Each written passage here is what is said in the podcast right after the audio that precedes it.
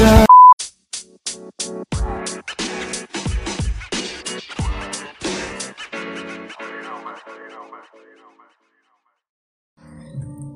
eh, halo, ketemu lagi di dengerin sebentar podcast.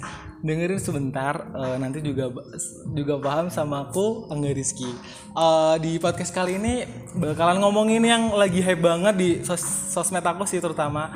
Eh, banyak banget yang ngomongin hal ini. Aku jadi ngomong ini sebenarnya agak deg-degan juga karena kayaknya banyak yang dengerin, eh apa banyak yang nonton drakornya jadi kayak aku was-was nanti aku dibully duh ini ngomongnya nggak sesuai nih tapi di episode kali ini aku nggak sendirian biar seru ngomonginnya kayak biasa aku eh, sama teman-teman aku yang nonton drakor ini eh, mungkin boleh kenalan dulu tes tes suara halo Halo. teman-temanku halo halo halo Ye, akhirnya masuk podcast Oh, jadi di podcast kali ini aku eh, bakalan ngomongin d- drakor startup yang lagi hype sama teman-teman aku yang udah kayaknya udah sering nonton drakor duluan dibanding aku. Halo Mas Ayub. halo Angga gimana kabarnya Baik, alhamdulillah. Ini aku deg-degan banget loh tapi aku seneng banget akhirnya aku diajak eh, ngobrol di podcastnya Angga asik ini baru, baru pertama kali juga sih nggak baru pertama kali jadi eh, excite- exciting banget dan deg-degan sama karena ini temanya agak-agak berat cuy sama satu lagi teman aku Rara yang udah bikin podcast duluan, yang lebih bagus sama- daripada aku. Enggak sih, beda lah. Mas Angga tuh lebih expert. Aduh. Oke, jadi eh, kita kan bakal ngomongin drakor startup nih. Kira-kira eh, kalian, terutama aku juga nih, eh, suka drakor tuh sejak kapan sih? Kayak apalah eh, suka drakor yang lagi hype, hype, hype kayak sekarang ini startup atau emang emang suka drakor sebelumnya? Gimana tuh awalnya? coba dulu nih aku Asep dulu oke ya, boleh deh. Eh, suka drakor tahu nggak dulu ada drakor judulnya itu zaman zaman Meteor Garden tapi Hmm. Meteor Garden kan bukan drakor ya dia kan apa sih namanya Taiwan Hmm. kalau nggak salah ya nah di era-era itu eh, banyak sekali muncul ini aku nggak nggak nggak tahu kalian masih SD atau masih kelas berapa di Jawa pada saat itu aku udah nonton. umurnya ya? Iya, ketahuan umurnya kalau kayak gini. Saat- di era itu ada drakor eh, yang bintangnya adalah aduh namanya siapa ya? Yang ini eh, Sohikyo siapa? Siapa tuh? Yang ini So Sohikyo. Tahu nggak? Sohikyo apa siapa ya? Pokoknya yang kemarin main yang itu loh yang temanya eh, dia dia jadi dokter terus Oh, tahu tahu tahu. Siapa namanya? Iya, Song Terus Song Hye Kyo. Song Hye Kyo bener ya yang Triangle Merit kan nah itu dulu eh, dia drama Korea pertama kalau nggak salah bukan pertama juga tapi dia pernah main di Endless Love Hmm. tahu nggak nggak tahu oh my god itu, itu beda banget itu bener-bener Song Hye Kyo nya lah baru kayak baru eh, debut pertama kalau nggak salah ya kayak drama-drama pertamanya gitu sebelum Full House yang yang dulu sempat happening juga itu kurang lebih tahun awal 2000-an gitu. Aku udah nonton sejak saat itu dan itu adalah salah satu drama Korea yang wah bikin aku ketagihan nonton berkali-kali dan itu selalu nangis kalau nonton. Sampai akhirnya em, mulai dari situ kenal drama Korea. Cuman aku sebenarnya bukan pecinta drama Korea enggak. Aku cuman kayak penikmat aja. Which is kayak eh, nontonnya tuh nggak nggak selalu yang Bener-bener yang ngikutin. ngikutin har- uh, misalkan drama ini selesai terus besok besok nonton drama apa lagi? Enggak kayak gitu. Jadi bener-bener dalam dalam seumur hidup aku itu bisa dihitung berapa drama judul drama Korea yang baru aku tonton tuh pa- paling cuman ya di bawah 10 lah gitu. Jadi kayak nggak orang-orang yang memang uh, suka banget nonton yang serial uh, sesi ini kelar serial ini kelar terus dia cari lagi serial lain gitu Jadi bener-bener yang eh, apa ya sesuai eh, yang dimau aja gitu ya nontonnya. Iya benar. Jadi kayak ngelihat vibes-nya juga gitu. Kalau kalau dulu itu memang seingat aku banyak sekali drama-drama Korea yang di-up di salah satu stasiun televisi swasta gitu. Terus uh, di jam-jam prime time. Jadi ingat banget pulang sekolah Langsung di jam nonton prime ya? time nonton terus da- adanya itu ya udah nonton keterusan terus memang bagus banget ceritanya. Nah, kalau sekarang kan lebih gampang ya kita bisa Kita bisa di oh, Iya. streaming.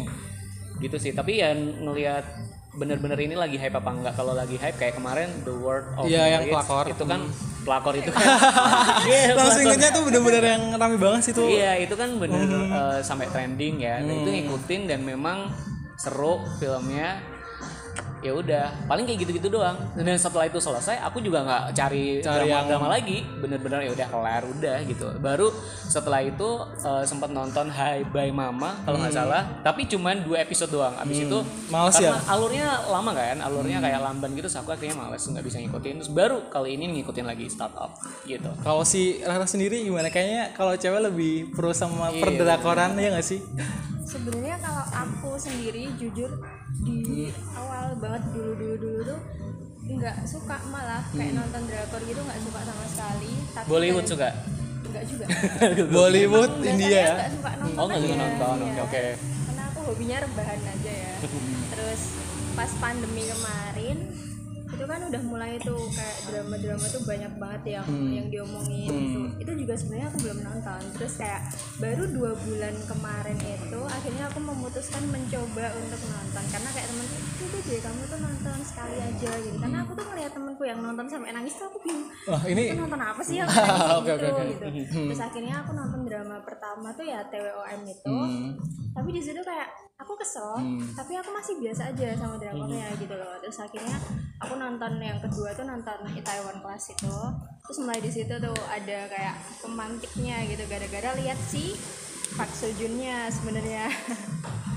Terus habis itu ya udah akhirnya nonton drama selanjutnya tuh masih yang berhubungan sama Park Seo Joon gitu. Terus akhirnya karena startup kemarin tuh keluar trending, ha, ha. dan trending dan juga aku tuh awal nonton gara-gara di ini loh di story sama si Arif Muhammad Hmm. sama Tifa Iya, iya, iya. Dia benar-benar, iya, benar. Beda tim kan. ya, oh. aku sebenarnya interestnya tuh karena itu gitu jadi ya udah akhirnya aku nonton sampai sekarang tapi ya sama sih kayak Mas Ayub gitu aku bukan yang bener-bener pecinta drakor gitu enggak cuman kayak ya penikmat aja Berarti kita tuh tipenya yang eh, tergantung kita mau sama artisnya ya nggak sih? Siapa yang main dulu nggak sih? Kadang tuh kayak gitu nggak sih? Aku Kalau cewek, iya. kalau cewek biasanya kayak gitu kan, ganteng nggak nih gitu. Tapi kalau aku susah loh menghafal nama tuh. Misalkan aku terkesan sama film uh, drama satu Iya. gitu ya. Karena namanya susah kan. Iya, Nggak iya, tahu kenapa iya, orang-orang iya, yang iya, suka iya, Korea itu gampang banget melafalkannya sedangkan aku tuh susah banget gitu untuk untuk menyebutkan namanya dan mengingatnya itu susah. Gitu. Jadi paling aku kayak inget inget wajah aja. Cuman aku nggak pernah sih. Nggak Sampai pernah, maksudnya nggak pernah. Hafal ini siapa, ini Tapi siapa kadang-kadang gitu. kalau lagi mood pengen nonton ya eh, nggak cuman drama kayak misalkan film Hmm. gitu aku memang kayak lihat-lihat dulu aku pernah nonton film beberapa Hmm. film Korea yang itu jadi bener-bener film favorit aku sampai sekarang itu gara-gara ngeliat posternya dulu oh ini aku Iya. kenal yang main gitu Oh, terus Jadi akhirnya ternyata visual dunia dulu ya. visual jadi ha. terus akhirnya bagus bagus juga ternyata Hmm. gitu kayak eh, ayo deh lanjut tadi Aku tadi jadi ingat Mas Saib kalau dulu waktu apa namanya dulu dulu suka nonton yang di te- televisi itu kan. Aku jadi inget drakor itu yang tiap aku nonton itu adalah He's Beautiful yang di Indosiar tau nggak? Jadi yang cewek itu ngaku-ngaku jadi cowok biar dia eh, masuk ke band gitu. Aku jadi inget itu dulu sih. Gitu gitu gitu. udah ngerti Terus kalau yang drakor ini sebenarnya aku sama kayak Mas Yub juga sih kayak aku ngikutin dulu eh, ngikutin dulu nih yang trading apa gitu gitu. dan aku bukan yang suka drakor banget sebenarnya aku lebih picky juga kayak ceritanya apa dulu nih gitu gitu aku nonton trial dulu episode satunya bagus atau enggak kayak gitu. Dan balik lagi nih ngomongin ke startup kan. Oke, ini oke. gimana sih kalian bener-bener sampai yang ngikutin sampai sekarang nih? Kalau aku kan kalau aku kan eh, aku sama kayak Rara juga aku lihat eh, story Snapgram atau siapa yang aduh ini kayaknya seru nih sampai ada perdebatan gitu gitu terus aku eh, nonton episode satunya dulu. Dan bener-bener aduh kejar sih aku di episode satu. Kalau sampai suka Oke, oke. startup ini alasannya tuh apa sih? Pasti kan gak pasti kalau ngikutin series bener-bener pemicunya dari awal dulu Iya, dong bener, sampai bener, bener-bener sampai Iya. Bener sih sebenarnya kalau aku setuju juga eh, episode pertama itu kayak nentuin gitu loh. Jadi kayak misalkan nih kita kita ngikutin sesi apa ya sih sesi eh, kelas apa gitu ya. Atau misalkan kita ngikutin seminar apa di mana eh, speakernya itu di awal di lima menit pertama dia menarik gitu. Dia dia eh, ngomongin jokes segala macam yang bikin kita seneng tertarik dan keterusan akhirnya bisa supaya bisa stay tune sama eh, materi yang dia bawain. Nah, sama gitu nonton drakor tuh buat aku juga kayak gitu. Bener-bener episode pertama tuh nentuin banget gitu. Kayak misalkan eh, reply 88 itu ya itu itu, kan padahal bagus. drakor lama ya itu lama tapi bagus banget sebenarnya cuman aku pernah itu direkomendasiin sama teman tapi aku akhirnya kayak stuck gitu. Gara-gara episode pertama keduanya tuh lama banget. Cuman kayak kocak-kocak lucu-lucu Iya, gitu. iya. cuman eh, aku tuh kalau biasanya tuh nonton drama Korea tuh ada alasannya sih. Sal- salah satunya salah satu eh, di lain yang tadi aku sebutin di awal. Aku tuh biasanya pengen ini pengen karena aku jujur orangnya melankolis nggak sebenarnya. Dan drama Korea tuh selalu, selalu entah itu drama Korea entah itu film itu selalu bikin kita emosional gitu loh. Iya, ngerti nggak sih? jadi benar. kayak uh, bila, bisa relate gak kebawa sih sama perasaan, kita? Heeh. bisa kebawa perasaan akhirnya nangis-nangis gitu. Dan biasanya kalau kayak gitu tuh plong kan. Mhm. karena kita sometimes kan kayak udah capek apa segala macam Mhm. kita tuh kadang-kadang perlu mengolah rasa dan kayak ngeluarin gitu loh ngeluarin eh, emosi kita yang nggak bisa kita keluarin kadang-kadang dan rilisnya nonton ini. nonton itu bisa bisa membantu gitu.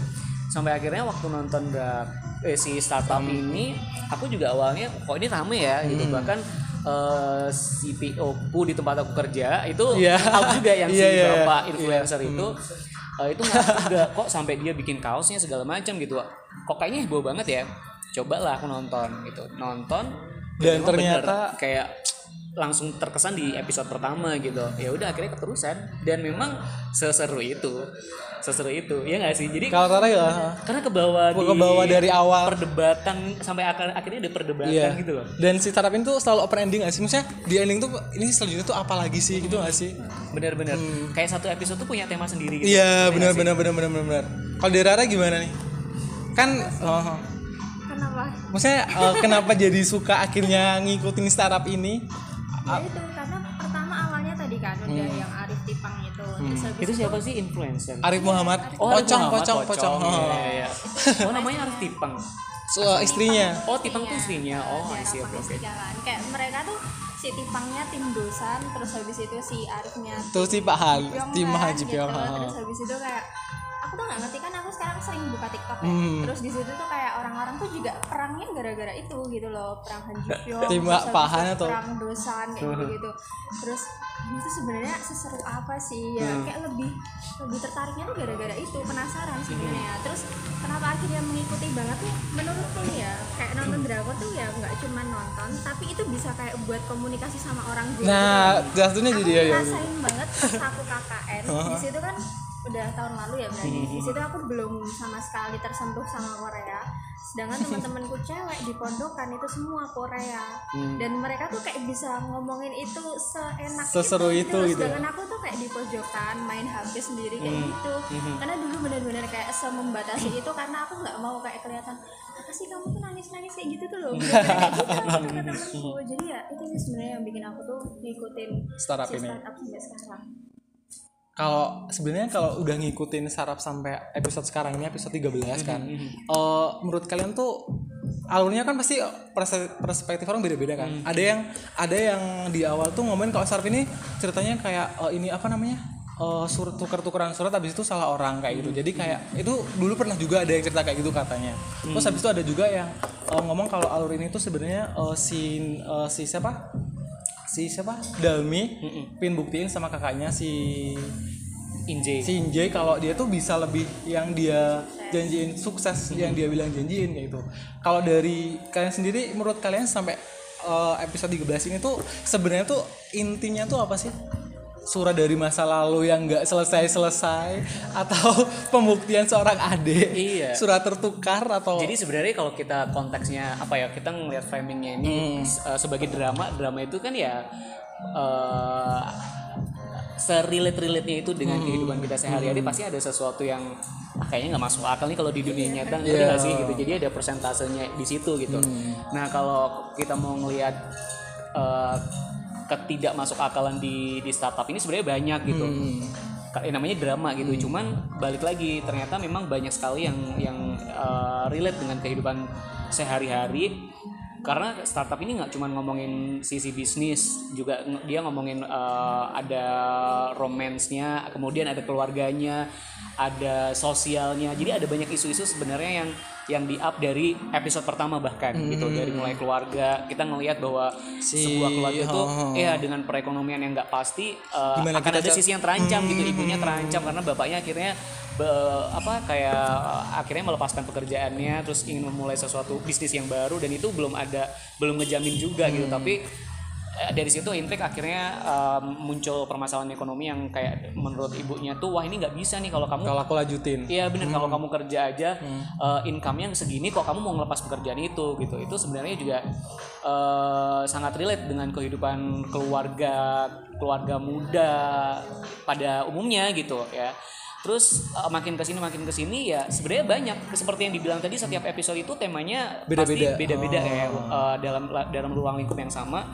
Tapi kalau dari perspektif aku ya itu tadi startup ini ngomongin banyak hal sebenarnya banyak banyak isu yang diangkat di startup ini semuanya ada gitu dan setiap episode eh, ya Selalu nawarin hal selalu muncul gitu Hmm. kayak misalkan di ada eh, apa ya kayak eh, persoalan keluarga ada kemudian persoalan Bisnis apa, bener ada, bisnis per- eh, pekerjaan ada kemudian Bangun hubungan, tim juga. bener relasi, Relasi. gitu relasi antar teman relasi antar keluar antar anggota keluarga itu di up semuanya. Jadi sebenarnya sebenarnya super lengkap ya kalau kita mau ngelihat ke sisi itunya. Cuman ya itu tadi banyak hal-hal yang yang akhirnya makin ke sini eh, kesel juga. Apalagi kalau nonton episode 13 tadi malam itu agak-agak dipaksakan atau mungkin eh, penulisnya ini ya. Bingung mau ke mana lagi nih gitu atau bisa gimana? bisa jadi kayak gitu atau gimana ya? Mungkin karena saking biar cepet aja kali ya, karena drama Korea itu idealnya tuh kayak berapa belas doang kan episodenya. 16 nah 16 biasanya. kan ini udah di 13 ya mungkin biar cepet aja. Karena kalau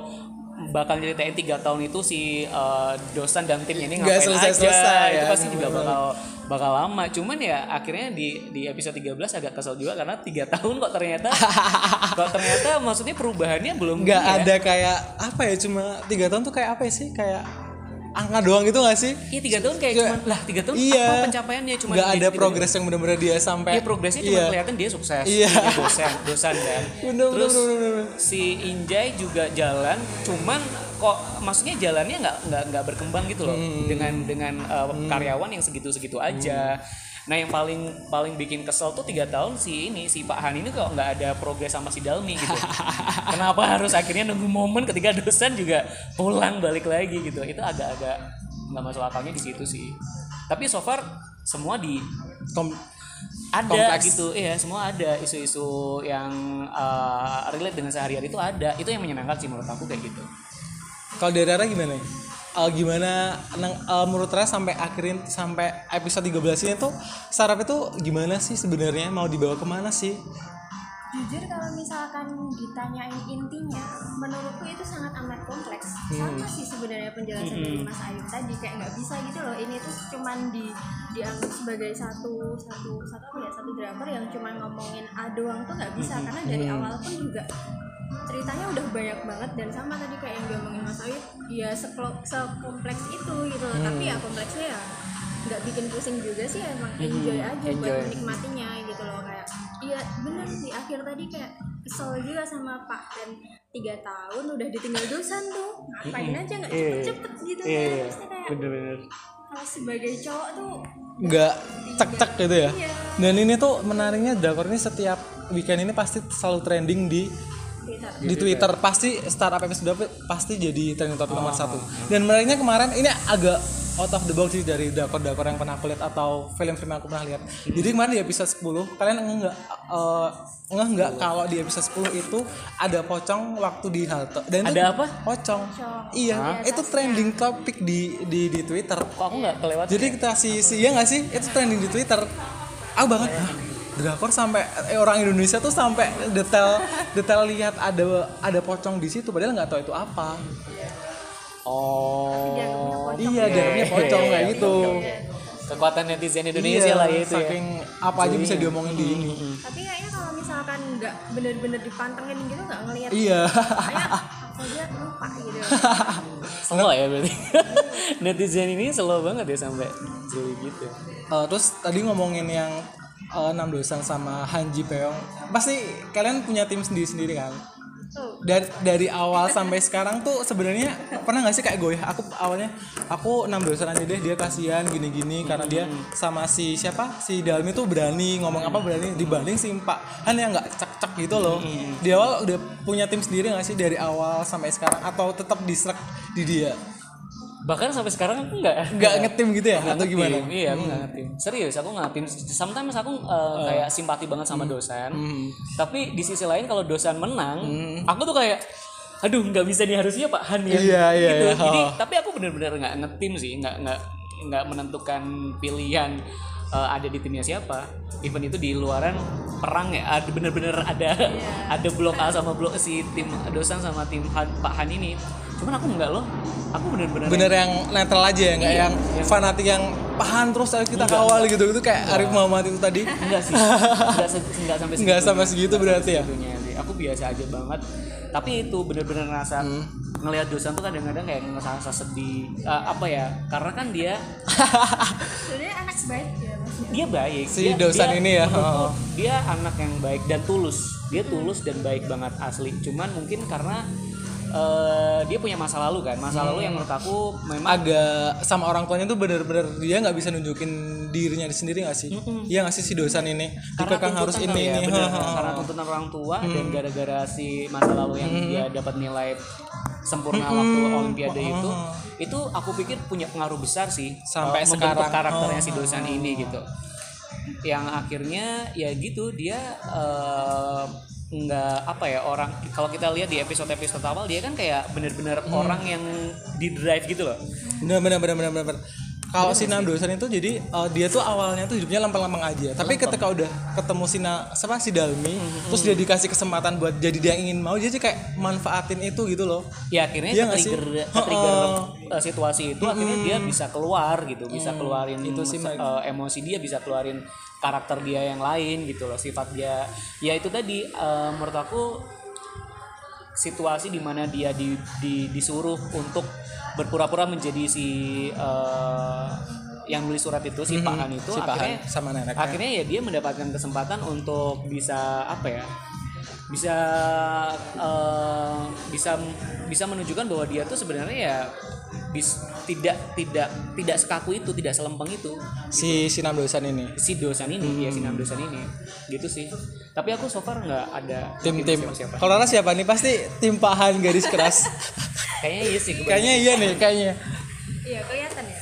Kalau aku sih dari awal sampai kemarin episode 12 aku menyatakan sebagai tim Jipyong gitu. Eh. karena aku ngelihat dari awal tuh kayak sebagai kacamata perempuan nih ya Hmm. Pak siapa Pak Han ini tuh kayak orang yang eh, sesuatu yang kecil tuh diperhatiin gitu kayak contohnya si Dalmi waktu masuk mobil Oh. iniin kan dibukain ditutupin kayak gitu itu sebagai cewek aku sih kayak gitu terus aku ngelihat juga dia nih sama sebenarnya kayak dosan sama-sama tulus ke Dalmi dan neneknya juga kan gitu. Tapi ya itu gara-gara episode ke-13 itu kayak lama-lama aku mulai oleng gitu loh ke tim dosan kayaknya gitu. Soalnya ya gimana ya kalau misalkan orang-orang tuh di entah di TikTok di Twitter di mana pun kan kayak perang gitu dosan dosan dosan atau jipyong jipyong jipyong gitu. Dan kebanyakan orang-orang tuh mengatakan kalau misalkan tim jipyong ini toxic gitu kan. Sebagai tim jipyong aku tuh kayak kadang eh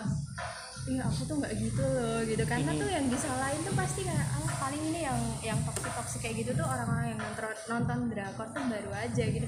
Tapi juga baru aja tapi aku nggak gitu kalau gitu. ngomongin si Pahan ini sebenarnya dia kenapa sampai maksudnya dia benar-benar dari dari episode awal kan yang dia terus kan yang disorot. Benar-benar dia harus struggle sendirian habis itu dia harus eh, sampai di titik ini tuh benar-benar yang apa namanya benar-benar dia sendiri gitu loh. Terus habis itu ketemu si neneknya itu loh. Kalau aduh aku pokoknya kalau skene Pahan sama nenek tuh aduh pasti emosional emosional banget gak sih? Aku juga hal sekecil apa pun sama si yang dilakuin sama ini. Iya. Ya sebenarnya kalau aku malah justru kalau ada tim nenek, aku akan tim nenek aja. Karena sebenarnya nenek ini sumber dari segala kebaikan gitu nggak sih? Dia tuh yang sebenarnya pemantik akhirnya uh, semuanya terjadi ya si neneknya Si ini? nenek sih iya nggak sih? iya. surat itu nggak ada kalau nggak ada nenek. Sampai tim-tim ini pun nggak ada kalau nggak ada si nenek ini ya benar nggak sih? benar. Cuman eh, kalau mak- maksudnya gini, kalau si Jipyong ini Jipyong ini nggak karena memang nenek itu kan pernah pesan ya kalau kamu sukses kamu nggak usah ngabarin aku kamu nggak usah nemuin aku gitu. Atau mungkin karena si Jipyong ini eh, akhirnya akhirnya mau melakukan itu maksudnya karena neneknya pesan kayak gitu akhirnya ya udah aku nggak ngehubungin nenek. Tapi kenapa maksudnya di awal tuh ketemunya tuh harus dengan cara yang tidak sengaja gitu? Maksudnya kalau dia memang karena si Jipyong ini kan hidupnya dibayang-bayangin dengan hutang budi kan? Iya benar Iya kan, benar benar. Dia harus gitu. gimana cara dia harus menyelesaikannya gitu kan? Walaupun Iya. si neneknya tetap udahlah nggak apa-apa nggak apa-apa Iya, gitu tapi maksud aku gini, kalau dia memang dari awal mau utang budi, kenapa dia nggak nyari gitu, nggak nyari neneknya, nggak balik ke neneknya, Hmm. ngerti, ngerti nggak sih? Kenapa harus dengan momen yang nggak sengaja kayak gitu? Ya udahlah, itu kan Hmm. drama supaya gampang aja mungkin ketemunya ya. Tapi se- eh, sejauh ini aku kadang-kadang di, di sisi lain aku ngeliat gini, Ji Pyong ini cuman cuman fokus sama utang budi, utang budi, utang budi, Hmm. tapi dia tuh nggak em, kadang-kadang tuh terlambat gitu loh, ngerti nggak sih? Jadi momennya nggak tepat momennya waktu momennya- ketika dia mau iya ini jadi itu. terus eh dia tuh kayak masih agak menutup diri sama si neneknya. Hmm. di di satu waktu dia masih nutup diri segala macam atau mungkin karena sikapnya karena sikapnya seperti itu karena mungkin dia tetap mau ngebantu neneknya. Karena neneknya di awal bilang ya jangan buka jangan jangan jangan jangan sampaikan ke Ke Dalmi. iya, jangan sampaikan ke Dalmi situasi sebenarnya gitu. Tapi kalau kita bandingkan dengan dosan di awal dosan ketika dia ketemu sama neneknya neneknya bilang dengan keadaan dirinya yang mau buta dia langsung ambil sikap Ambil dong sikap, hmm. untuk bikin si aplikasi aplikasi yang buat atau netra itu? non gil namanya. Nah, itu Oh, dia di langsung bikin Sentence. bikin dia langsung bikin itu dan uh, bukan hanya sekedar untuk hutang budi, tapi dia benar-benar bisa ngelihat bahwa oh dengan kemampuanku di dengan kemampuanku menciptakan sebuah produk, aku tuh bisa Hmm. nolong, bisa nolong orang gitu. Tapi kalau si Ji Pyong itu tuh selalu nunggu ini kayak apa ya? dia tuh kebanyakan bantu cek-cek tapi tuh nggak sampai selesai masalahnya gitu sih kalau aku lihat Iya, bahkan dia sih? beberapa kali dia dia kalah cepat ketahuan Iya, kalau neneknya oh. buta. Kemudian dia Iya. juga tahu kalau si si Dalmi itu Hmm. kul- dikuliahin tapi nggak sampai selesai karena Oh. Dalmi harus ngebantu dia kerja segala macam. Itu juga ketahuannya waktu dia di luar itu loh waktu dia nalin sepatunya itu itu aku nangis dong. Aku nangis anjir. Gara-gara eh aku mau ngomong anjir ya? Nggak apa-apa, oh, nggak apa-apa. Ya, jadi kayak gergetan aja gitu. Hmm. Pyong tuh selalu terlambat ngerti nggak sih? Dia tuh mau mau balas utang budi tapi dia kayak nggak nggak selalu terlambat lah gitu daripada si dosan ini gitu sedangkan dosan cek-cek langsung Langsung, langsung gitu. oh langsung ngelakuin ini harus apa Iya. gitu gitu jadi kayak dasar dasar Pak Han ini ngelakuin sesuatu yang baik itu tuh ya cuman untuk balas budi balas budi, iya budi. benar benar benar benar gitu. benar benar benar tapi kayak nggak nggak visioner ngerti nggak sih kalau misalkan nih Bener, bener, bener. kalau misalkan aku jadi Pak Han ya eh, aku mau hutang budi ke Hmm. nenek terus dia juga mau ngebantu Dalmi dah kalau misalkan dia mau ada kesulitan segala macam tapi tuh dia tuh ya cuman sekedar menawarkan diri untuk itu tapi dia nggak mau actionnya nggak ada Enggak, bukan. Dia tuh ya itu tadi nggak cepat gitu loh. Maksudnya kayak waktu tiga tahun itu kalau kalau memang kamu mau 100% nolong Dalmi, ya lu ngomong kan dia udah pernah ngomong Iya, suka iya, ya. iya, Terus bener, kenapa bener, dia bener, bener. pendekatannya nggak iya segera benar gitu. benar benar benar benar benar benar Gitu. Tapi aku nggak ngerti juga sih. Dua-duanya baik sih sebenarnya. Kalau aku lihat Pahan ini sih dari awal tuh dia karakternya emang dibikin tegas gitu. Dia nggak sih? Dia tuh ngomong tuh karena mungkin mungkin karena jabatannya dia, dia tinggi. Habis itu dia kalau ngomong tuh bener-bener yang ceplas-ceplos tapi tuh bener gitu loh. Terus tadi aku nangkep si Rara bilang kalau toxic eh, apa? Oh yang toxic gitu. Karena mungkin si si apa namanya? Si si si si Han Ji Pyong ini udah kebawa karakter yang tegas. Jadi ketika dia ngomong tuh seolah-olah kayak apa sih nggak nggak selembut si si si Nam Dosan nyatain sama si Dalmi ya nggak sih aku aku nangkepnya kayak gitu sih Mungkin karena ya si Pak Han ini kan dari kecil, dari waktu kecil yang sama nenek itu kan memang anaknya keras ya, Hmm. keras. Kemudian akhirnya sampai dia sukses. Terus kalau misalkan eh, yang Angga bilang kayak gitu, dia Hmm. ngomongnya ngomongnya agak-agak langsung kamu tuh CEO kamu tuh nggak pantas jadi CEO sam sam Nah. tuh nggak akan sukses sam sam tuh Iya, nggak akan ada investasi betul. investornya gitu Nah, itu benar kalau aku- langsung aku the ngeliat point dari itu dari sudut pandangnya si Pak Han sendiri sebagai investor sih kalau begitu ya. Hmm. Karena kenapa dia bilang seperti itu ke tim eh, Sam Sam eh apa? sam sam Sam tes Sam Sam Sam Tech itu Hmm. dia ngomong se sepahit itu karena ya memang kalau kita ngomongin dari segi bisnis ya Hmm. Sam Sam Tech itu pada saat pada saat ketemu sama Pak Han itu tuh belum bukan bukan apa Bukan apa-apa, bener-bener. perusahaan yang oke lu lu bisa bikin produk tapi dia nggak punya bisnis plan yang Iya, jelas diusir ya investor mana yang mau Iya. invest kan dengan dengan perusahaan yang belum jelas gitu Iya, planning bener. planningnya dia tuh mau jual apa pasarnya siapa ya makanya menurut aku nggak salah kalau si Ji Pyong ngomong kayak kayak gitu gitu itu nggak? Benar sih. Kalau menurutku juga benar nggak nggak salah juga. Dan itu aja kan juga Pak Han tuh jadi ikut baper kan. Dia kayak berapa hari tuh kayaknya kepikiran gitu deh. Sampai akhirnya dia nanya ke siapa sih? Ibu-ibu yang tua tuh loh. Si Siapa sih? sesama sesama petingginya Oh, Pok itu. Buyon, Buyon. Oh, ya Buyon. Oh, itu. oh, terus kan terus habis itu si ibunya tuh bilang ya pokoknya intinya dia tuh nggak salah karena kamu Kerjaanmu. tuh itu Mm, karena kerjaan. kerjaanmu, oh, bukan karena ada sesuatu Oh, iya, yang pribadi kan. Makanya aku agak sebel tuh pas di episode berapa ya? 11 atau 12 ketika akhirnya Dosan sama Dalmi kejebak sama Alex itu kan juga sebenarnya gara-gara Iya, se- aku feelingnya udah nggak bagus sih. sebenarnya di situ gitu loh karena kayak urusan pribadimu tapi kamu bawa ke kerjaan akhirnya ya udah kamu harus nanggung itu gitu Ini udah mulai menarik ya ngomongin uh, pekerjaannya masing-masing kan. Ini uh, sebenarnya udah masuk ke ini. Kita sebagai anak startup nih ya, sebagai anak startup pernah nggak sih ke relate sama pekerjaan-pekerjaan yang dilakuin sama Pahan? Mungkin terus habis itu uh, si uh, si dosan nge- sama timnya itu pernah nggak sih relate sama kerjaan di startup ini? Kalau aku lihat dari awal bener-bener waktu ketika dia bikin aplikasi yang apa di jam itu udah udah kelihatan sih wah gila sih ini udah ditarget berapa jam ini harus selesai gitu itu pernah gak sih relate sama sama ini dulu Oke. Mas Feb dulu deh Ya, oke. yang udah di startupnya udah aduh Ya. suhunya di startup nih Iya, tapi maksudnya kan kalau kalau aku kan cuma sebagai apa sih ikan-ikan kecil lah ya Hmm, di startup. ikan-ikan kecil Kalau- ya. Kalau startup yang ini kan yang di yang di startup kan ikan-ikan besar ya Iya, kayak iya. presiden dan menteri-menterinya Hmm, gitu. sebagai- Tapi so far aku kayak ngelihat juga misalkan nih banyak sih Hmm. enggak yang agak-agak dekat banget dengan keseharian yang Hmm, sama lihat di di, di startup. startup ini yang pertama kayak misalkan hmm, dosan dan teman-temannya teman-temannya basically mereka kan anak IT ya. Jadi aku lihat anak IT itu memang lempeng Hmm. Iya, iya, bener-bener. nggak ada, Nggak ada emosi, nggak ada ini. dan ya gitu eh, hidupnya kayak nggak menyenangkan gitu Iya. loh ngerti nggak sih kayak lempeng kalau udah mulai kerja gitu tapi kalau dia sama komunitasnya dia cair gitu maksudnya dia akan ngomongin atau dia bakal bakal eh, obrolannya seru Hmm. dia bakal juga bakal ketawa-ketawa. Kalau sama sesama ininya sesama komunitas Hmm. atau teman-temannya yang sesama IT gitu. Cuman kalau di luar yang aku lihat nih ya karena du- eh, di kantor pun kalau aku ngeliat anak IT tuh aduh aku jauh-jauh deh sama mereka. Ansos banget kan mereka. Tapi setelah tahu kalau mereka duitnya gede itu kayak wah gila ya. anak IT ya nggak apa-apa lah ansos saya tapi income-nya gede gitu. Yang pertama kemudian yang kedua eh, penjualan Oh, gitu. penjualan. Ingat nggak sih? Ya, anak-anak Iya, iya, iya, anak-anak iya. yang suka menjual produk ya. Ah. Nah, di penjualan gini. Wah, ingat nggak di episode berapa awal-awal yang akhirnya mereka daftar ke uh, sandbox, terus mereka uh, dites yang cepet-cepetan. Iya. Kalau misalkan lu punya produk, terus Iya. kata kunci apa iya, nih untuk menjual? langsung langsung cepet-cepetan kan? Heeh, itu Nah, makanya aku udah langsung mikir wah gila di startup harus cepet-cepetan waktu cepet, bener. paling paling pokoknya aku tuh mikir kalau di startup tuh waktu itu adalah kayak nentuin semuanya gitu nggak sih Iya bener, jadi kayak nggak boleh lama-lama. Satu itu, kedua eh, akhirnya si dosan dan teman-temannya, apalagi si satunya lagi itu yang kacau itu handphonenya mati kan, Iya. nggak bisa Aduh, ngerjain sama iya, sekali iya, gitu. Dan itu itu menentukan CEO gitu kan. Hmm. Nah dosan apalagi dia mencoba tapi di, dia akhirnya gagal. Hmm. Kenapa? Karena mereka nggak tahu pasar mereka. Iya.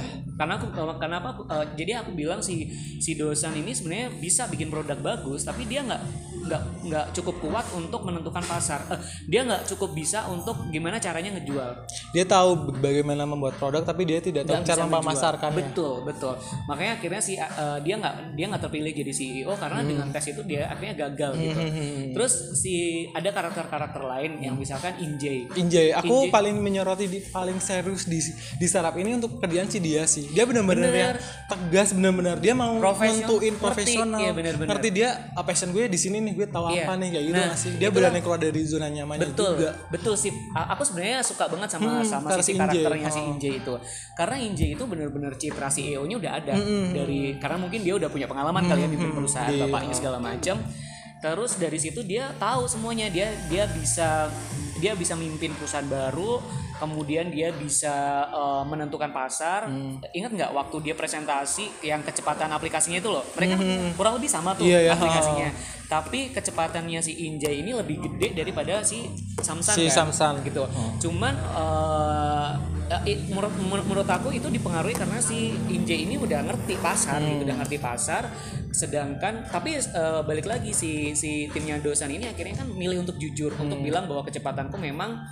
memang eh, di bawah si kecepatannya si aplikasinya Injay gitu Hmm. cuman si dosan bilang gitu bahwa dia realistis gitu loh uh, bahwa kecepatan dengan kecepatan yang lebih rendah itu bisa dimas itu bisa dipakai di device dengan spek yang paling rendah sekalipun gitu Hmm. dan aku kalau sukanya sama India lagi tuh orangnya reali- realistis gitu bener-bener Iya, tahu iya, kondisinya seperti apa dan dia tegas tapi juga tegasnya tuh dia juga menerima masukan dari tim IT-nya dia gitu. Karena ada banyak banyak part di mana dia di- dikasih usul sama tim IT-nya terus akhirnya dia baru kerjain gitu. Gitu sih. Banyak sih sebenarnya. Nah kalau yang aku lihat CEO itu memang punya ambis ya. Iya benar. Kalau dan aku lihat harus juga- tahu dia ini perusahaan gue harus dibawa ke mana nih, gue harus ngasilin apa nih? Iya betul gitu. betul betul. Dan di situ aku sebenarnya pegang si si, Si Injay kalau misal di pekerjaan ya, maksudnya dia Betul, bisa diterapin untuk kita di pekerjaan kita gitu nggak sih sebagai anak startup. Tapi banyak sih so far. Itu tadi yang paling penting di apalagi startupnya kita masalah jual-jualan barang ya. Kita harus tahu sih eh triknya ngejual kayak gimana, pasar yang kita jual kayak gimana gitu sih. Terus kadang-kadang aku ngeliat Samsantek ini terlalu cepet besar kepala. Kayak misalkan waktu itu menangin apa itu, Nah iya dia langsung langsung, wah. cari investor bener-bener ayo sini siapa yang mau ke aku ke aku tapi Kayak- dia tapi dia nggak tahu dia tahu mau ya. ngapain Itu sih, gitu. ya, itu sayangnya. kurang belajar sih Kurang belajar benar-benar. Kalau menurutku sebenarnya mereka bagus tapi ya itu minusnya adalah benar dibilangnya tadi kayak terlalu besar kepala sampai akhirnya mereka tuh lupa kalau mereka tuh punya mentor gitu loh. Yang di Iya. saat itu mungkin Pak Han emang lagi nggak selalu sama mereka kan karena karena satu dan lain hal aku lupa kenapanya gitu sebenarnya sih dan dari Injay itu aku belajar kayak dia awalnya adalah seseorang yang udah udah sukses Iya, situ. tapi dia berani akhirnya turun berani lagi untuk turun. mulai dari nol. dan dia tuh kayak nggak lama-lama terpuruk Iya. gitu. dia langsung kayak menata masa depannya lagi itu sesuai dengan apa yang dia udah punya sebelumnya ya Hmm. udah dia terapin di situ gitu terus tadi udah sempat dibahas sih kalau misalkan dari aku di startup tuh kayak harus tahu tren sekarang. Kayak nggak boleh yang ah nggak mau ah aku mau stuck gini terus gitu. Karena nantinya ya dunia tuh berkembang terus nggak sih gitu dan ketika kita nggak mau eh, apa ya ngikutin apa yang ada sekarang ya ketinggalan banget gitu.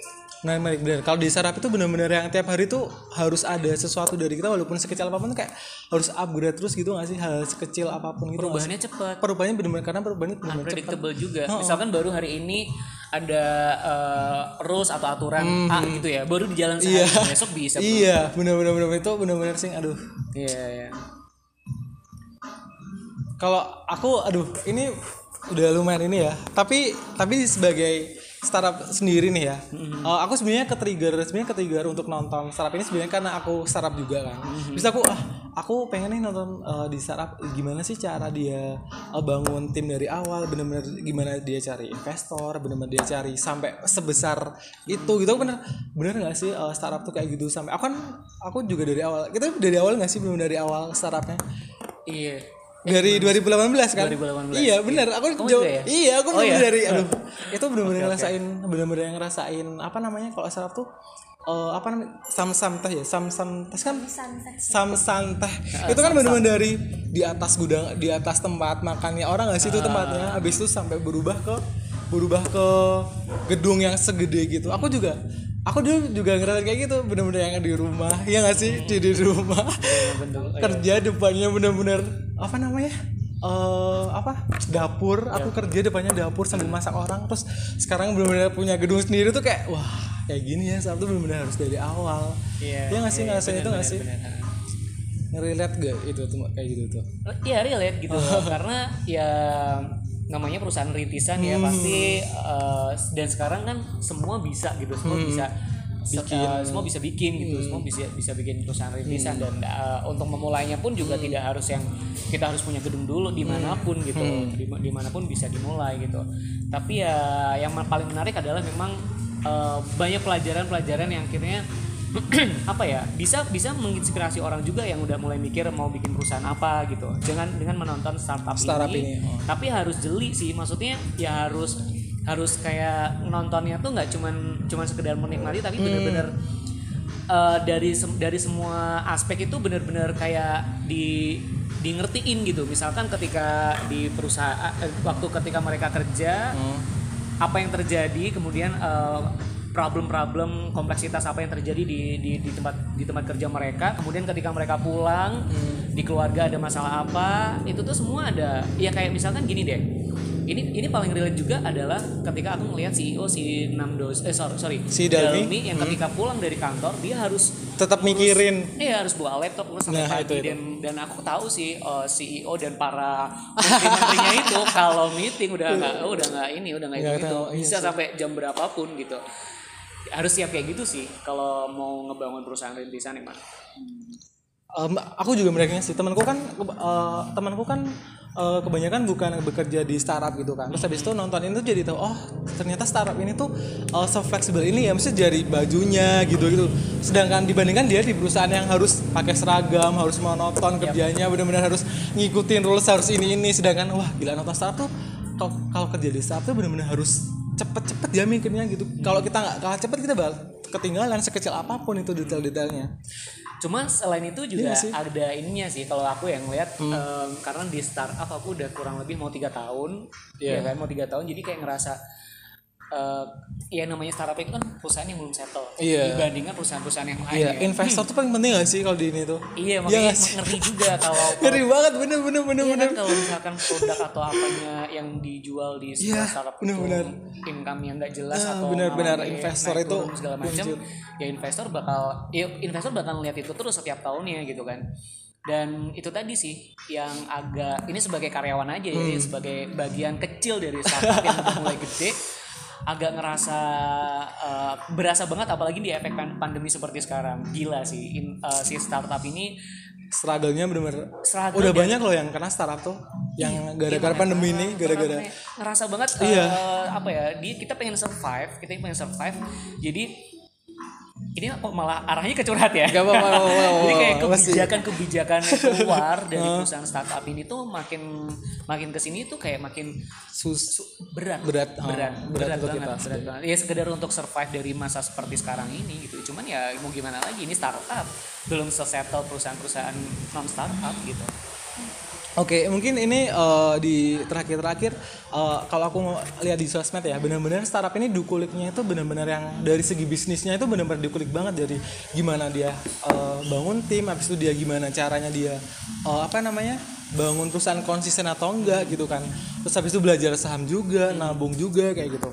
Nah sampai episode ini ada nggak sih eh, di episode beberapa atau episode berapa tuh eh, kalian nerapin gitu nggak? Kayak misalnya saham deh, misalnya aku jadi kalau aku sendiri sih aku dari jadi pengen ini iya dari Sam kayak wah keren juga ya waktu di episode awal tuh bener-bener yang si dosen kan eh, nabungnya udah 8 8,9 juta nggak sih kalau nggak salah. Terus ketika nenek eh si Jipyong, si Jipyong kan iya dia kan eh, nabung lap- 8,9 plus 8,9 juta kalau nggak salah. Terus neneknya ambil 10 tahun kemudian kalau nggak salah jadi 89 juta. Wah, gila aku, aku harus aku harus belajar ini nih kayak gitu sih. Itu dari yang aku pelajari ini yang dari sisi yang dari sisi yang bukan romance-nya ya.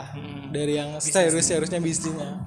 Dari Mas Sip atau, atau dari Ras sendiri ada nggak sih yang nerapin kalau aku sendiri ini? sih lebih ke ini sih eh, building a team gitu loh. Hmm, setiap orang tuh aku yakin punya idealismenya sendiri-sendiri. Tapi yang aku suka di sini adalah ketika Pak Han yang udah udah senior udah berpengalaman ini bilang ke Hmm. dosen kalau kamu tuh nggak bisa jadi CEO itu di situ aku sukanya adalah dosen nggak yang tokoh sama idealismenya gitu loh kalau dia harus jadi CEO tapi dia di situ pinter milih milih Darmi buat jadi, jadi CEO-nya CEO-nya. karena dia merasa dianya nggak nggak pantas di situ kan oh capable. Oh. itu sih menurutku karena di saat ini tuh mungkin nggak semua orang ya kayak gitu. Pengennya kan "Ah, aku pokoknya pengen jadi CEO gini gini gini." padahal dia tidak punya kompetensi itu gitu dan itu kan malah nantinya bisa apa ya kayak mempersulit dirinya sendiri gitu. Hmm. Lebih baiknya kan kalau misalkan kamu tuh tahu porsimu tapi ya udah kamu tuh cari orang-orang yang Hmm. memang bisa buat menghandle itu ya tujuannya ya kamu mencapai apa yang kamu mau gitu sih kalau. Building tim berarti ya. Tapi kelihatan banget sih dari awal tuh emang si waktu ketika si Sam apa Sam tes ini masuk ke sandbox abis itu mereka itu tuh bener-bener bener-bener yang apa ya kelihatan banget gimana cara bantu satu sama lain. Terutama ketika si desainnya siapa itu agak agak kurang dibahas tapi itu menarik sih karakternya. Siapa? Si cewek itu Nona Jingsu Saha, iya. nah dia juga ya nggak sih? Dia bener-bener yang dia kerja juga ya aku eh, semau dia gitu nggak sih tapi tapi emang eh, sesuai kapasitas dia ya nggak sih itu sih Tapi menarik loh dia. Aku suka loh dia. iya dia bener cueknya tuh bener-bener greget gitu loh bener-bener Aduh, kalau udah mulai ngelirik gitu. Iya. aduh. Apa judes judes judes aja Iya. cantik gitu. Parah sih dia. si Nona oh iya nambahin dikit dan aku sukanya dari timnya dosan itu eh, siapa ya namanya yang satunya Jun eh, yang oh, yang cowok yang malah dia ternyata kakaknya ini Heeh. itu kan dia melakukan kesalahan tuh Hmm. udah terang-terangan bikin mereka tuh sebenarnya rugi gitu kan Hmm. tapi di situ tuh nggak ada yang saling menyalahkan Iya, iya benar benar benar. awal yang kita yang kita Iya, lihat ada benar, nggak benar, Hmm. tahu tim siapa itu yang nggak cocok pembagian sahamnya habis itu mereka keluar bubar sendiri, oh. ketika mereka mau kan. masuk ke ruangannya kan udah udah bubar aja nih iya iya benar benar Gitu, benar benar seneng sih di situ tim yang mereka tuh kayak solid gitu tapi tuh mereka kayak itu sih solidnya benar-benar aku dapet sih ya udah gitu loh ngikutin ngikutin benar-benar harus kompak gitu loh. Ya nggak sih kalau dari bener-bener. kalau dari Mas Yop gimana nih terakhir? Kalau dari aku, ada aku yang malah ini sih kayak kaget dengan pernyataan eh, Pak Han. Oh, ketika? Ji Pyong ketika akhirnya do- eh, Samsan ini bubar kan, Hmm. cuma tiga yang ke San Francisco gitu.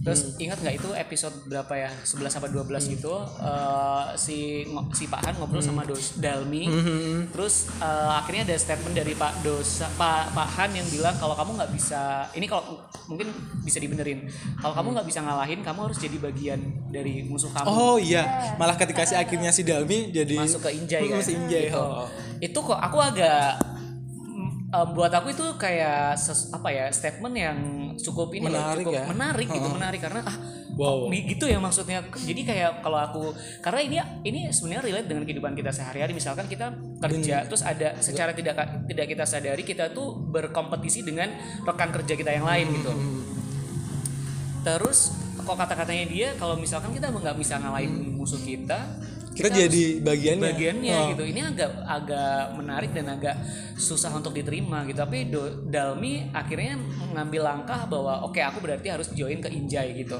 Dan terbukti itu malah bersinergi. Ngerti nggak sih? Hmm. bersinergi. Ini juga sebenarnya eh, baru kejadian beberapa hari yang lalu. Jadi ada ada ini temanku sekantor Hmm. gitu yang awalnya tuh di divisi A kemudian dia mau pindah ke divisi ku yang awalnya dia tuh sebel sama partnerku ngerti gak sih dia Hmm. paham, paham. terus gara-gara gara-gara ini aku jadi kayak lah kok kayaknya agak-agak mirip ya terus maksudnya gini dia dia sebel sama partnerku Hmm. tapi ketika di divisiku ini uh, open recruitment dia tuh apply ke situ terus waktu itu um, si statementnya Pak Jipyong kayak gitu. Ini tuh agak mirip-mirip gitu loh. Terus aku ternyata anaknya juga ngikutin startup, Startup ini. juga.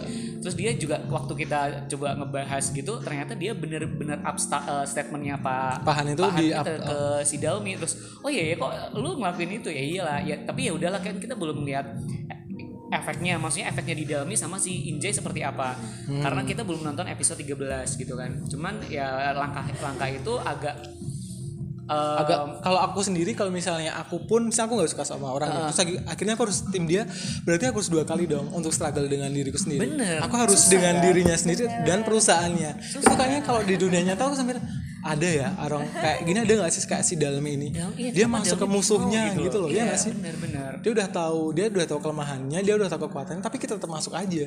Apakah ada di dunia Nah, nyata? itu yang agak agak, Agak, kontradiktif iya sih. ya maksudnya kayak wah kalau berarti kalau misalkan ada situasi yang mirip seperti itu ya Dia berarti kita bisa sama bisa kayak Dalmi apa enggak. Cuman di episode 13 akhirnya kelihatan kalau mereka bersinergi dan si siapa Injay pun juga eh, ada ada ada part ada ada scene di mana dia menghubungin eh, lagi ngurusin mobil itunya loh. Oh iya oh yang semalam itu oh. Uh, terus dia kan disuruh uh, Untuk dia telepon telepon terus katanya nggak bisa nggak bisa gitu. Akhirnya terus dia akhirnya si Dalmi keluar kan oh, mau keluar. nemuin oh, terus gitu. malah si ketemu enam si, dosen iya, deh. betul. Terus Iya. Injaynya kan ada part yang dia ketawa ketawa seneng gitu loh. Ketawa seneng, ulet oh, sih oh, gitu. oh, Ini anak oh, ulet benar-benar oh. mau nggak mau menyerah gitu. Kalau aku tuh liatnya si Inja itu benar-benar dia tuh kayak ketika senyum itu tuh aku mikirnya sebagai si nganggap si Dalmi ini sebagai partner kerjanya atau sebagai orang yang wah dia musuh yang benar-benar bisa diandelin nih kayak gitu loh aku ngeliatnya tuh. Kalau aku nggak sih kalau aku menurut aku sebenarnya senyumnya tuh aku nggak bisa percaya senyumnya si Injay sih serius. Aku kayak Oh, ini kalau- orang jahat gak sih sebenarnya? Jahat jahatnya tuh jahat gimana? Gitu loh sama si Injay itu aku nggak bisa benar-benar percaya 100% serius. Justru aku enggak, justru aku ngerasa aku agak berbeda sih kalau Oh. ini. Aku ngerasa Injay itu sebenarnya tuh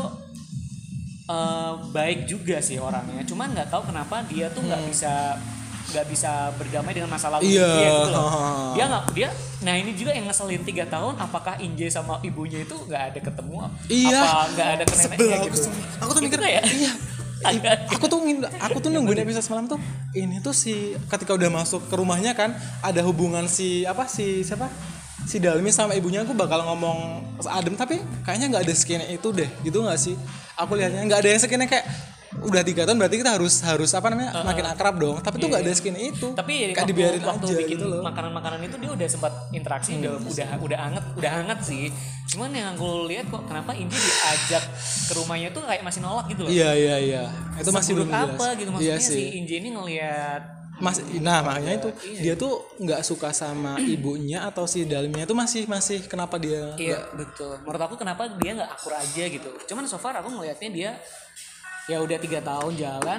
Aku menurut aku Inje ini kok em, sudah bisa menerima gitu loh. Sudah bisa menerima. Cuman dia memang kayak masih mem- mempunyai apa ya? Kayak masih punya tembok supaya nggak lebur gitu. Hmm, hmm, hmm. Ngerti nggak gitu sih. Oke, ini menarik banget sih dari tadi kita bahasnya kompleks banget dari Iya. building di tim apa kita gimana cara kita eh, memposisikan diri kita sebagai anak startup terus nonton ini gimana terus habis itu kita no debat juga tentang gimana karakternya si Pak Han ini sama si Ji Pyong. Mungkin dia Pak Han sih. Aji Pak si Nam Dosan sama Han Ji Pyong ya ampun. Mungkin di akhir eh dikit aja sih eh, mungkin di ending kan minggu depan udah di ending nih. Kalau misalnya akhirnya nanti perseturuan ini harus berakhir antara Pak Han dan antara Pak Han dan Nam Dosan kira-kira si Dalmi bakalan sama siapa sih? Nah itu aku nggak Itu- nggak berani. Ber- gak berani ini ya? Ah, iya. itu sih mungkin se- selalu kejutan nggak sih? Kayak misalkan dia udah Pak, di episode tadi Hmm. malam itu Pak An tuh udah eh, kesempatannya udah gede banget loh. Udah gede banget. Tinggal ya aku senang loh dia ketawa-ketawa senyum-senyum gitu. Dosan datang terus ya ah gitulah ngerti oke terima kasih. Nggak ngerti aku teman-temanku sudah mau bahas Arab ini. Seru banget dari awal. Eh, terima kasih Mas Ayu Mas Iya, sama-sama. Mas Rara. Mbak Rara udah Thank you, thank bahas ini. Eh, semoga di ending nanti kita sesuai dengan harapan kita ya. Pasti punya ekspektasi sendiri sendiri kan. Ya nggak sih? Kamu ada nggak sih ekspektasi berharap kalau misalkan Dalmi sama Pak Han tapi kalau misalkan akhirnya tuh sama Dosan kalau endingnya Pahan ya sama Pak Han sama aku aja. Enam dosen gimana? Malah di Twitter yang akhirnya Pahan sama enam dosen gimana tuh kaget Enggak sih, enggak, enggak, enggak, enggak, enggak, enggak. tapi aku menariknya gini kalau nambahin dikit Iya. si siapa Inje itu Aha. aku sukanya dia nggak dilibatkan dalam ini dalam urusan Perseteruan percintaan juga. Ha. itu aku agak lega sih Iya, iya, agak iya, lega. iya. bayangin kalau dia juga Sinetron banget sih bakalan jadinya serius. Itu bakalan tapi aku nggak kepikiran sampai situ sih. Tapi kalau pun misalnya ya aku mikirnya bakal aduh ini kayak sinetron banget gak sih? Jadi cintanya tuh nggak selesai selesai. awal-awal aku kayak gitu nebak aduh si Inje ini antagonisnya nih Iya. wah, jangan dia juga seneng sama dosen atau apa gitu ternyata sampai sekarang enggak dan aku bersyukur itu enggak konsisten terjadi sih. ya. iya akan terjadi Oke, mungkin oh oke ini di di di ending biasanya aku namanya ini sih eh, bareng-bareng ngomong aduh. apa nih dengerin sebentar itu Iya iya iya. tagline-nya ya. Iya, Apa tagline-nya, gimana? tagline-nya. Kok enggak kalau ngomong eh, dengerin sebentar, nanti juga apa iya, Oh, iya, bareng-bareng nanti juga pamit gitu ya. oke siap Oke. Eh, dengerin eh benar benar. Eh, terima kasih udah dengerin di episode kali ini di episode eh, startup. Semoga ada salah-salah kata bisa dimaafkan atau yang statement-statement kita yang gak sesuai ketika nonton waktu nonton ini dimaafkan juga. Eh, terima kasih sudah mendengarkan episode kali ini. Eh, dengerin sebentar. nanti juga paham Aduh, aku